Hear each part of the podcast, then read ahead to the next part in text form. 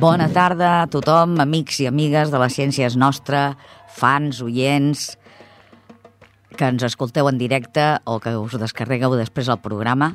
Ja sabeu que el podeu trobar al web de ripolletradio.cat. Uh, bé, doncs comencem. Comencem, com sempre, per les notícies i tenim una primera que va d'avenços en medicina, que això sempre és interessant.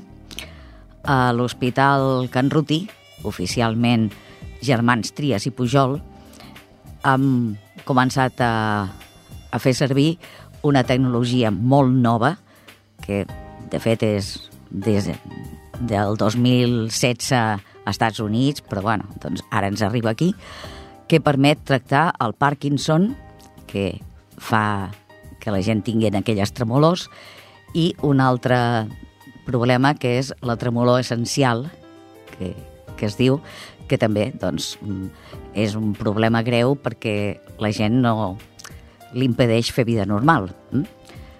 I bé, doncs això és una gran novetat, s'està començant a, a implantar aquí a, a l'Estat i de Catalunya, doncs aquí el primer és l'Hospital Trias. Bé, la cosa consisteix en que a la gent li posen una mena de casc i llavors eh, des d'aquell casc s'envien uns feixos d'ultrasons que travessen el cervell i eh, van a, a convergir en un punt determinat de l'hipotàlam i allà, eh, en aquell punt, diguem, cremen el punt del cervell on hi ha la lesió que ocasiona aquest, eh, aquests problemes de, de tremolors. Eh, bé, eh, els resultats fins ara són magnífics. Eh, de fet, la milloria diuen que és pràcticament miraculosa i, i és una cosa que, que és molt interessant. Passem a un altre punt. Anem una mica més lluny. Anem a Holanda, Països Baixos. Doncs resulta que Holanda l'Autoritat de Seguretat Nuclear i Protecció Radiològica ha emès una alerta eh, cap als collars i pulseretes i això que s'anuncien com anti-5G o per protegir de les radiacions 5G i tot això, d'ions negatius, també els anomenen, colgants quàntics. Bé, doncs resulta que molts d'aquests productes, de fet, són radiactius. Ves per on? I clar, eh, resulta que és pitjor el remei que la malaltia, perquè, de fet, el 5G eh, són unes radiacions que no produeixen lesions, no afecten l'ADN, ho sabem de sobres, i en canvi la radioactivitat doncs, és molt baixeta, però, clar, si és una cosa que portes penjada al coll o, a la, o com a pulsera, la portes eh, contínuament durant molt de temps, al final pot provocar lesions. O sigui que eh, si algú us ve amb una cosa d'aquestes, dieu-li que, que vagi en compte, que potser és millor que la guàrdia en el calaix. Anem molt més lluny encara. Lluny, llunyíssim. El més lluny que s'ha anat eh, en tota la història de la humanitat. I és que el telescopi Hubble ha descobert una estrella la més llunyana que s'ha observat mai. Mm? Eh, diuen que està a uns 12.900 milions d'anys llum.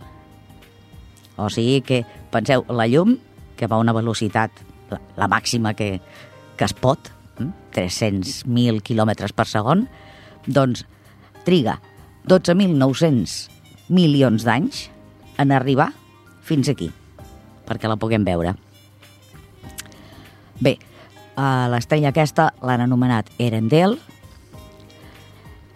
que és un nom que es veu que bé, els ha agradat, i estan adquirint dades sobre, sobre ella. S'espera que quan tinguem operatiu d'aquí poquet, ara ja, el nou telescopi espacial, el James Webb, eh, tindrem moltes més dades sobre aquesta estrella.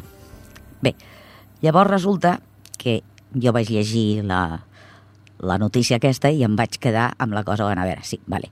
però com s'ho fan per saber a quina distància està? Llavors resulta que jo d'astronomia ja sabeu que no és el meu fort, però tinc un amic que és en Jaume Zapata, gràcies Jaume, que m'ha donat eh, les pistes per poder entendre com s'ho fan. I jo us ho passo a vosaltres. Bé, resulta que la llum que veiem amb uns aparells que tenen els físics eh, poden trobar les intensitats de, la, de cada freqüència de llum. És a dir, doncs estem parlant del visible. Doncs sabeu que ja el visible va des del vermell, vermell, taronja, groc, papapam, fins a arribar al blau i després al violat i després ja ja no ho veiem, no? Doncs per cada color d'aquests eh, hi ha una intensitat de llum. Això forma el que es diu un espectre. Molt bé, llavors tenim aquesta informació. L'espectre aquest no és mm, pla, diguem, sinó que eh, té eh, pics. Aquests pics són dels elements químics que té una estrella determinada. Com que sabem mm, uns elements que tenen totes les estrelles, que són l'hidrogen i l'heli, doncs sabem aquests pics a quina freqüència a quin color de llum estan. Si amb aquesta estrella que veiem el seu, el seu espectre veiem que no estan en el mateix lloc, doncs vol dir que això eh, s'ha fet un corriment. En diuen un corriment. Mm? Per entendre-ho, amb l'exemple que es posa sempre és allò de l'ambulància, per exemple, o el camió de bombers, quan s'acosta veiem que sona més agut. Mimo, mimo, mimo.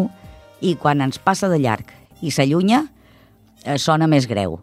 Mimo, mimo. Mm, això, oi que us sona conegut? Doncs amb la llum passa el mateix. Quan una cosa que fa llum s'acosta, doncs la llum que fa tendeix a ser més blavosa. I quan s'allunya, eh, com més velocitat s'allunya, més cap al vermell. Llavors, aquesta estrella resulta que l'espectre i les línies aquestes característiques estan corregudes cap al vermell i molt, molt corregudes, com que sabem on haurien d'estar, comparant una cosa amb l'altra, podem saber que aquesta estrella està a, a tal distància. Mm? Més o menys la cosa va per aquí, eh? Tampoc us estalvio els detalls, però bueno. Bé, és un tema, penso que és interessant, no?, saber una miqueta de com s'ho fan aquesta gent, que de vegades donen unes notícies que dius, bueno, i això d'on surt, no? Bueno, deixem l'espai, tornem a terra i tornem cap aquí prop de casa nostra. Doncs a Terrassa. Uh, comencem amb l'agenda. A Terrassa, al Museu Nacional de la Ciència i la Tècnica de Catalunya, s'acaba d'inaugurar, o sigui, ara mateix, aquesta mateixa tarda, una mostra, una exposició, els medicaments a Catalunya, empresa, ciència i innovació per la salut. Mm, d'interès per a tothom que li interessa doncs, això de la salut, els medicaments, i com s'ho fan, i com s'investiga, i com es troben nous medicaments, tot aquest món. Ens ofereix un recorregut des de les antigues botigues d'apotecari a l'actual fabricació industrial de medicaments. I Catalunya és un lloc fort de fàbriques, de laboratoris que fabriquen medicaments. Doncs ja ho sabeu, si us hi voleu arribar. Una altra cosa que es fa també en el mateix lloc el dia de Sant Jordi, per això, és que fan jornada de portes obertes. O sigui que aquell dia podeu visitar eh, totes les instal·lacions de Franc. I a més, si aneu al matí, a les 12, podeu sentir un concert de Carilló, que és allò a base de campanes, que promet ser molt maco. Per més informació podeu trobar al web, us ho dic lletra per lletra, M, N, A, C, T, E, C, manactec.cat. Doncs bé, passeu a un altre tema, un concurs convocat per una revista mm, molt, molt coneguda que té continguts molt interessants que es diu Jockdown. Doncs ha convocat un concurs, el novè, la novena edició, un concurs de divulgació de la ciència. Té quatre apartats, fotografia, il·lustració, assaig i narrativa.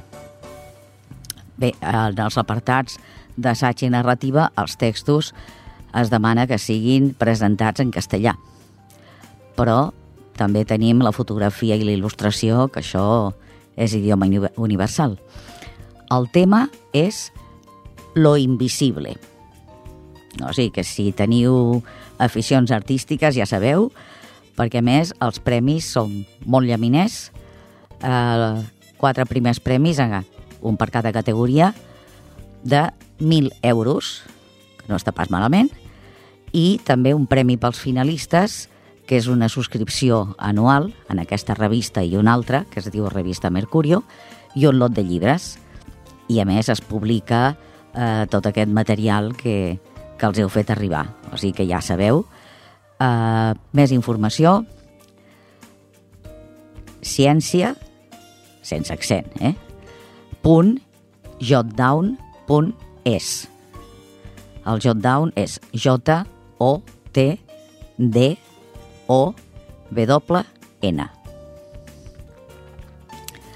I ens acostem més cap aquí, a Ripollet mateix. Doncs recordeu-vos que continuen les jugateques ambientals i concretament el diumenge 24 a les 11 i mitja, com sempre, està dedicada als ocells. Uh, hi ha el conte dels ocells i fer menjadores per ocells al Parc Massot. Doncs bé, com que estem tan a tocar de Sant Jordi, parlem de roses i de llibres, clar, oi? És que no, no té més escapatòria. Però com que estem en un programa de ciència, doncs, a veure, què trobem de ciència a les roses i en els llibres? Doncs sí que n'hi ha. Per exemple, us heu plantejat mai eh, per què les roses són del color que són? Vermelles, però també n'hi han de grogues, taronges, altres colors. I també l'aroma de les roses, l'olor que tan bona que fan. Doncs per què? Doncs bé, primer parlem del color. El color, hi han dues famílies de, de compostos químics que són responsables del color. Un, una família són les antocianines, probablement us sona perquè se'n parla molt dels fruits vermells i, i tot això, que tenen antioxidants, i la, sí, les mores, les maduixes també en tenen, mm, totes les baies. Mm? Doncs tenen antocianines, les roses també en tenen. I el color, el color groc es deu a una altra família de compostos que són eh, semblants al que tenen les pastanagues. Són els carotenoides. També us sonarà més o menys conegut, oi? Doncs entre aquests compostos, que uns fan color més aviat cap al vermell i els segons cap al taronja, color pastanaga, doncs la barreja d'això dona tota la varietat de colors de les roses. Clar, les roses blanques doncs, no tenen ni una cosa ni l'altra. Està clar, no? Eh, per què fan servir les plantes aquests colors? Doncs, per exemple, eh, per protegir de la radiació ultraviolada, perquè, sabeu, quan nosaltres veiem un color, de fet, veiem el color que aquell material reflecteix. que queda fora, o sigui, que no absorbeix. Per exemple, jo tinc aquí davant una cadira vermella. Doncs vol dir que la cadira aquesta, el material de la cadira, absorbeix tots els colors que no són vermell. És a dir, tot el que és violeta, blau, verd, tota aquesta part. Doncs el, el vermell, el color vermell, fa que protegeixi de les radiacions ultraviolades. Mm? Els carotenoides doncs, també tenen la seva funció dintre, dintre les plantes. A més, sabeu que també una altra, una altra cosa important és que els colors, mm, diguem, llampants, mm, vius, atreuen els insectes que són els que polinitzen les flors perquè es puguin reproduir. Mm? Bé, doncs, tot això us explico. I bé, i aquestes, aquests productes, doncs ara parlem de les olors. Mm? Molt bé, doncs les olors, també hi ha moltíssims compostos que donen l'olor a les roses, a les roses que fan olor, perquè ja sabem que n'hi ha varietats que no, però bé, doncs, per exemple, us en dic alguns. Aviam, un momentet que ho busco, que tinc aquí la xuleta. Espera, aquí. Um, va, doncs aquí. Per exemple, Damascenona. La Damascenona, la, segur que la van trobar a la rosa de Massena, que vol dir rosa de Damasc, que, bé, que és un tipus de rosa, és una varietat. Mm? Uh, geraniol. El geraniol té el nom dels geranis. Eh? Citronelol. Doncs ja sabeu de què va, citronela. Mm. Doncs tot això eh, també està a les roses. Són productes o substàncies que estan en unes quantitats molt petites, però que amb aquestes quantitats tan petitones ja fan fan l'olor. Mm? Per tenir una idea, doncs seria com posar una cullerada en una piscina olímpica, plena d'aigua, mm? per fer-nos una idea de la concentració que estan. Eh, bé, doncs aquests productes, a més de tenir una bona olor, també tenen propietats eh, farmacològiques, que són reals eh, s'han utilitzat com a antibacterià, antitoxigen, o sigui, per combatre la tos, analgèsic, relaxant, hipnòtic. Ja veieu que dona per, per bastant aquest tema, és interessant. Doncs, seguint amb les olors, ara parlem de paper. Us heu fixat de vegades, heu entrat en una llibreria que tenen llibres de segona mà i fan una olor especial, de vegades. No tots, però hm? de vegades sí, trobes una olor com una mica dolça, com, eh? agradable. Per què? Doncs veieu, uh, durant uh, els temps, uh, fins fa bastant poquet, s'ha utilitzat per fer llibres sobretot la pasta de paper perdoneu, avui, la pasta de fusta. Ara, per fer pasta de paper.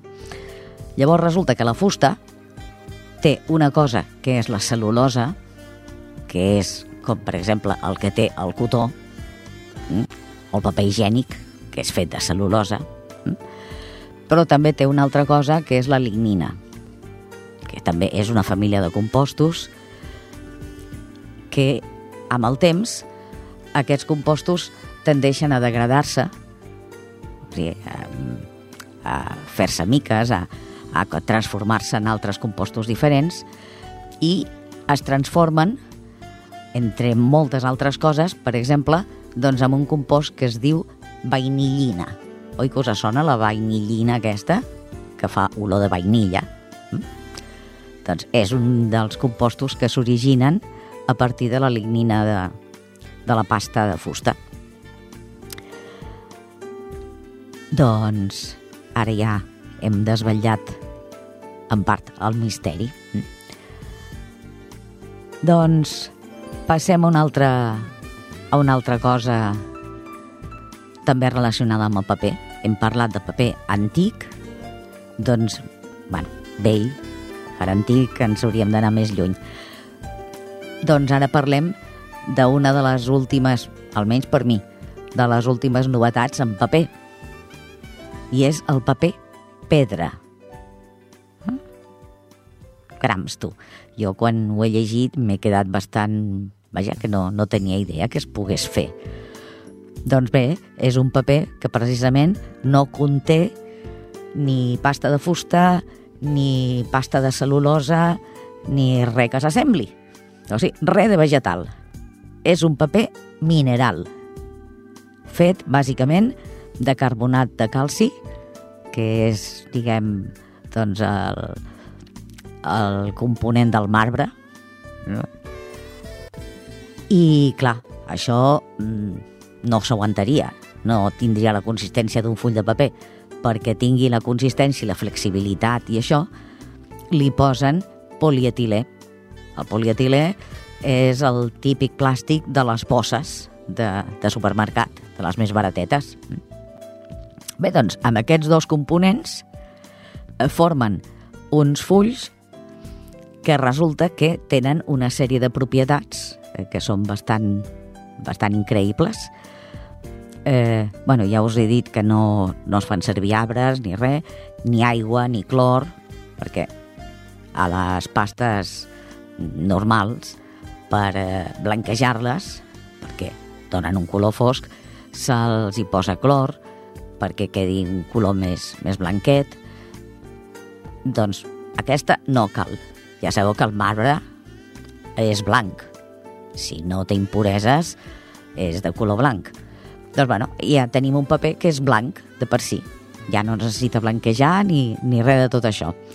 Per tant, eh, a la fabricació s'emet molt menys CO2 que sabeu el problema aquest dels gasos d'efecte hivernacle, tot això, doncs s'emet molt menys gas CO2 que la fabricació normal del paper, eh, es consumeix molta menys energia, o sigui, dius, caram, tu, això és un xollo, això són tot avantatges. Bé, el que passa és que aquest paper, doncs, per reciclar-lo, clar, mm, pensem, per exemple, en un tetrabric. Bueno, el tetrabric, a més, té una part que és metall, no? Però té una cosa que és com plàstica per la part de dintre, té part de paper, és, un, és una mica difícil de reciclar. Doncs amb aquest paper passa també una cosa semblant, no és tan fàcil de reciclar. Però vaja, és un producte que s'està començant ja, bueno, o que ja s'ha començat, jo me n'he enterat ara, però ja fa temps que es veu que rutlla. Eh, productes tant de llibres acabats, com llibretes i coses d'aquestes. I bé, és, és una cosa interessant saber que existeix. Per exemple, un dels avantatges és que és impermeable. No sé, pots tirar aigua que el paper aquell no es mulla, clar, perquè té el plàstic i el protegeix. Mm? Pots escriure. A mi em feia pensar en les bosses aquestes de congelats que tenen una part allà com una etiqueta que es pot escriure. Doncs em feia pensar en una cosa semblant. Pots escriure-hi, però és impermeable. Bé, doncs si mai us parlen d'un paper fet de pedra, penseu que no us estan enredant, que és una cosa real i que potser en el futur la major part dels llibres i, i llibretes i tot això que farem servir seran d'aquest material. Doncs fins aquí l'especial Sant Jordi, més o menys, perquè seguim parlant de llibres i parlant d'autors i concretament ara us vull presentar un autor que és físic, eh, clar, ja sabeu que hem d'escombrar cap a casa, a més, físic d'aquests de, dels durs, eh? dels que fan termodinàmica, que és aquelles coses que jo les recordo amb terror, perquè em, se'm feia d'orillo. Doncs és físic i poeta. Eh? Una combinació interessant. Bé, es diu David Jou i Miravent, i a part de ser catedràtic durant molts anys de física de la matèria condensada, tela, a la Universitat Autònoma, doncs, i doctor honoris causa per la Universitat de Girona, i altres títols que ja no us els dic perquè són una, una tira llarga. Doncs, a part de, a més d'això, i d'haver publicat llibres sobre física, termodinàmica, tot això en té un munt, articles científics en té un munt, però a més de tot això, doncs també té assajos de tema científic i de tema, diguem, humanístic, poseu-li cometes aquí, eh? I té obra poètica. Té dos reculls eh, publicats, un és totes les poesies que es van publicar fins al 2002. El llibre es diu L'èxtasi i el càlcul. Eh? Èxtasi i càlcul, que sembla, mare meva, les dues coses més oposades del món. Mm. Vaja, tinc ganes de llegir-lo perquè realment el títol promet. Bé, i el segon llibre, que són els poemes del 2002 al 2004, es diu L'huracà sobre els mapes. També, també és un títol eh, no, que, que et quedes dient, bueno, a veure, què hi haurà aquí dintre? Eh, és un, ha rebut el Premi Cadaqués a Quima Jaume el 2015, o sigui, vaja, ja veieu que és una persona i és una obra interessant de conèixer. Ara farem un tastet, us deixaré amb una poesia feta per per en David Jou i la música que sentireu de fons és el primer moviment de la sinfonia Peer Gynt d'Edward Grieg que escoltem ara tot seguit.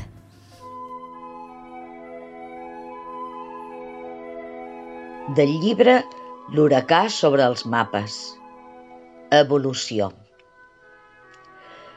Que l'arbre de la vida pugi foscament, toscament, no vol dir pas que l'existència sigui música ni que l'ascens cap a més complexitat tingui un destí, potser nosaltres, ni que cada pas sigui una etapa d'un projecte grandiós, sinó que un cop i un altre cop l'atzar s'ha vist forçat a doblegar-se a l'harmonia.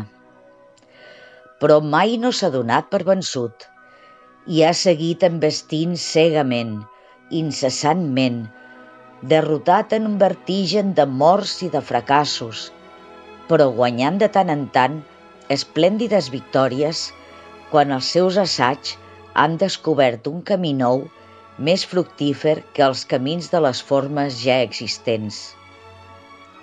I així, a les palpentes, en el laberint del temps, en la profunditat del temps, ha anat teixint tapissos d'espècies i de gèneres, de famílies, d'ordres, de classes, de regnes, que el temps ha anat podant amb tisores implacables de combats, meteorits, glaciacions, malalties i sequeres.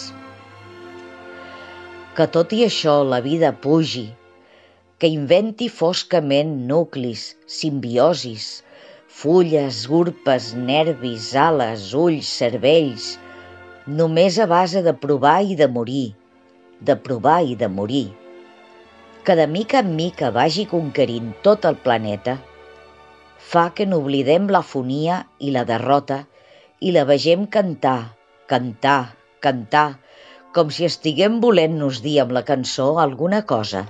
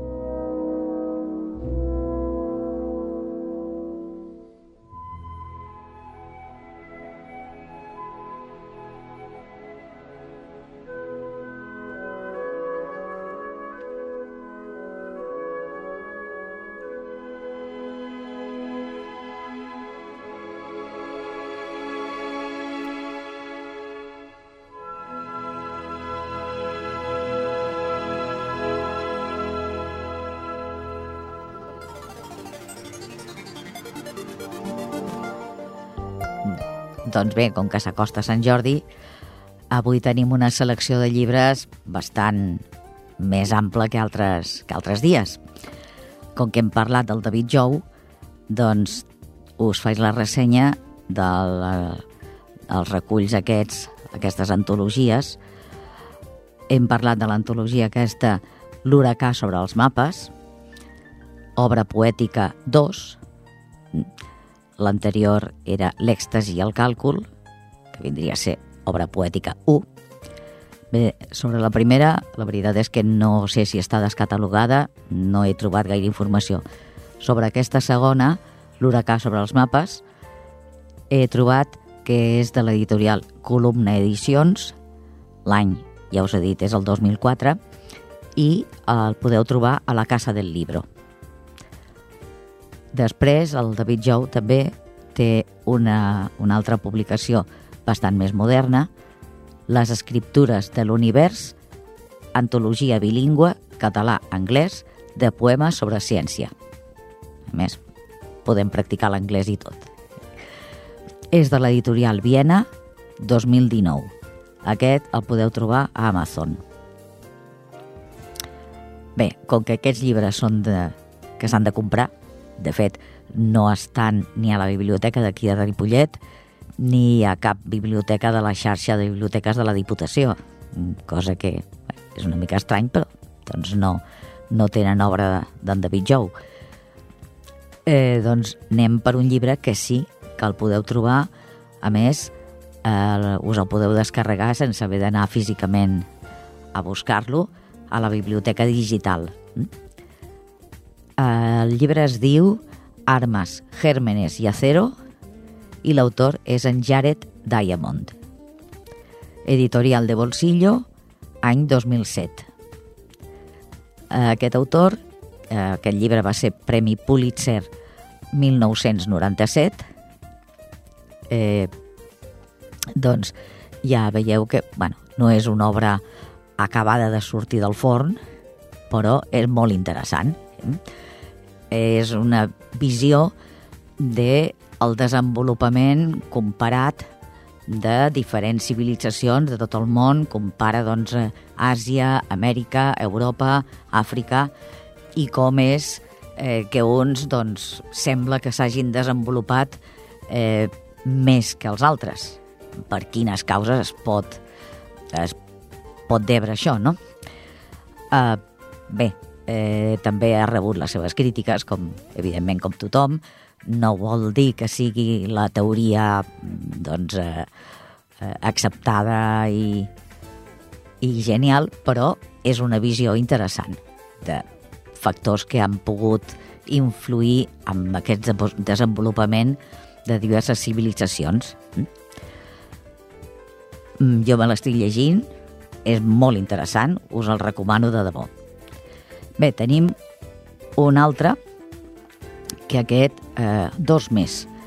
Eh, que, tenim un que jo crec que és per totes les edats, aquest sí que és acabat de sortir d'impremta, d'en Pere Renom Vilaró, Ciència sota el focus. Cosetània Edicions, 2022. Bé, en Pere Renom és un biòleg i divulgador i recull en aquest llibre eh, 50 seccions de ciència presentades en directe al programa de TV3 Tot es mou durant la temporada 2019-2020. Doncs amb aquestes intervencions i un dia d'aquest també faré un llibre, no patiu, que un dia farem. bueno, eh, penso que és amè, tracta doncs, de moltíssims temes diferents i això, doncs és tant per joves com per totes les edats. Molt fàcil de llegir, molt interessant. Eh, L'últim llibre que us recomano avui és d'en Manel Esteller, Cartes a un jove investigador. Editorial La Magrana, 2022, també. Eh, és un llibre en forma de cartes, eh, com si l'Esteller doncs li escrivís amb un company que vol començar amb això de la investigació i aquestes coses, doncs el seu pensament, eh, totes les seves reflexions. Esteller és un dels científics catalans de referència mundial en la investigació contra el càncer. O sigui que és una persona molt a tenir en compte. I ens explica de manera comprensible com funciona la investigació biomèdica avui dia i, a més, eh, ens transmet la seva passió eh, cap a la seva feina, que també és important, això. Doncs bé, fins aquí la secció de llibres, ja veieu que hi ha un bon assortit, o sigui que teniu feina per anar llegint. Ens acomiadem, com sempre, amb l'experiment. I, seguint amb el tema de Sant Jordi, doncs, roses i llibres, ara toca la rosa, clar. Bé, a veure, necessitem, en primer lloc, per fer la tija de la, de la rosa, de la flor, necessitem alguna cosa que ens faci servei, pot ser una palleta de refresc, o una branqueta d'un arbre que trobem, un tros de canya, el que, el que trobem, però que, que ens pugui fer servei per la tija. Després, per les flors, per la, els pètals, farem servir paper higiènic o paper de cuina. Mm? Uh, després, per enganxar-ho tot, doncs cola blanca o o una cosa semblant, o cola d'aquella incolora, que hi ha també, transparent. bueno, molt bé. Un pot de vidre, un retolador d'aquests que estem a punt de llançar perquè ja no escriu, però que sigui d'un color bonic, i una mica d'alcohol. No, no cal que sigui molta quantitat, eh? Una miqueta d'alcohol. Com ens ho fem? Doncs molt bé, en primer lloc, agafem la palleta o el que, el que faci de tija, li enganxem a dalt una bola de paper. Agafem una mica de paper d'aquest higiènic, fem una boleta, li, li posem a sobre. Al voltant d'aquesta boleta anem enrotllant eh, una tira de paper amb una certa gràcia, això ja no us, no us ho puc eh, explicar, però vaja, eh, segur que us en sortireu. Si no és a la primera, a la segona ja veureu com, com surt una flor més o menys maca. Hm? La, el secret és que la part de baix estigui ben apretada, o sigui, aneu-hi posant cola i esperar que s'assequi i que quedi ben apretat, i en canvi la part de dalt, els pètals, que es vagin obrint. No té gaire més misteri. Quan això estigui ben sec, heu de cobrir també la tija amb paper. Deixeu que la flor aquesta, que serà tota blanca, hm? estigui ben seca. I ara, ara ve la part màgica, que no és màgia, ja sabeu que tot és ciència. Agafem el pot de vidre, agafem el retolador, li traiem la part de dintre, que és on hi ha el color, ho posem en el pot amb una mica d'alcohol. L'alcohol farà que es dissolgui la tinta i ens quedarà tot tenyit, doncs, per exemple, de vermell.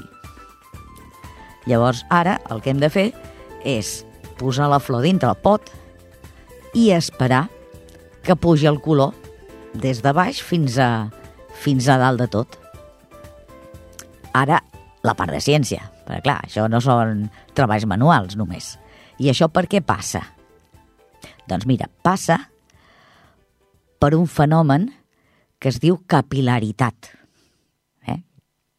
Si no la coneixíeu, això també passa, per exemple, quan la gent es posa... bueno, ara, ara no es fan servir gaire, es fan servir més amb, amb, amb bossetes. Però abans, quan el sucre anava amb terrossos, doncs es veia com pujava el cafè, per exemple, com anava impregnant tot el terrós de sucre.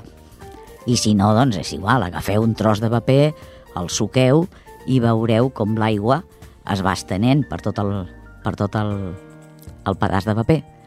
Per què no fem servir aigua? Doncs perquè amb l'aigua sabeu que el paper se'ns desfaria tot. I per això fem servir alcohol perquè ens aguanti, que no se'ns desfaci la flor. Mm? Bé, doncs ja està el misteri. Ja, ja veieu que de misteri no n'hi ha. Però si li regaleu, doncs no sé, a la mare, alguna noia, o noi, vés a saber, no? Algú que, que li vulgueu fer un regal, doncs tindrà la gràcia de que veurà com va pujant el color des de baix de tot fins a l'extrem de, dels pètals. I mira, doncs és maco. Bé.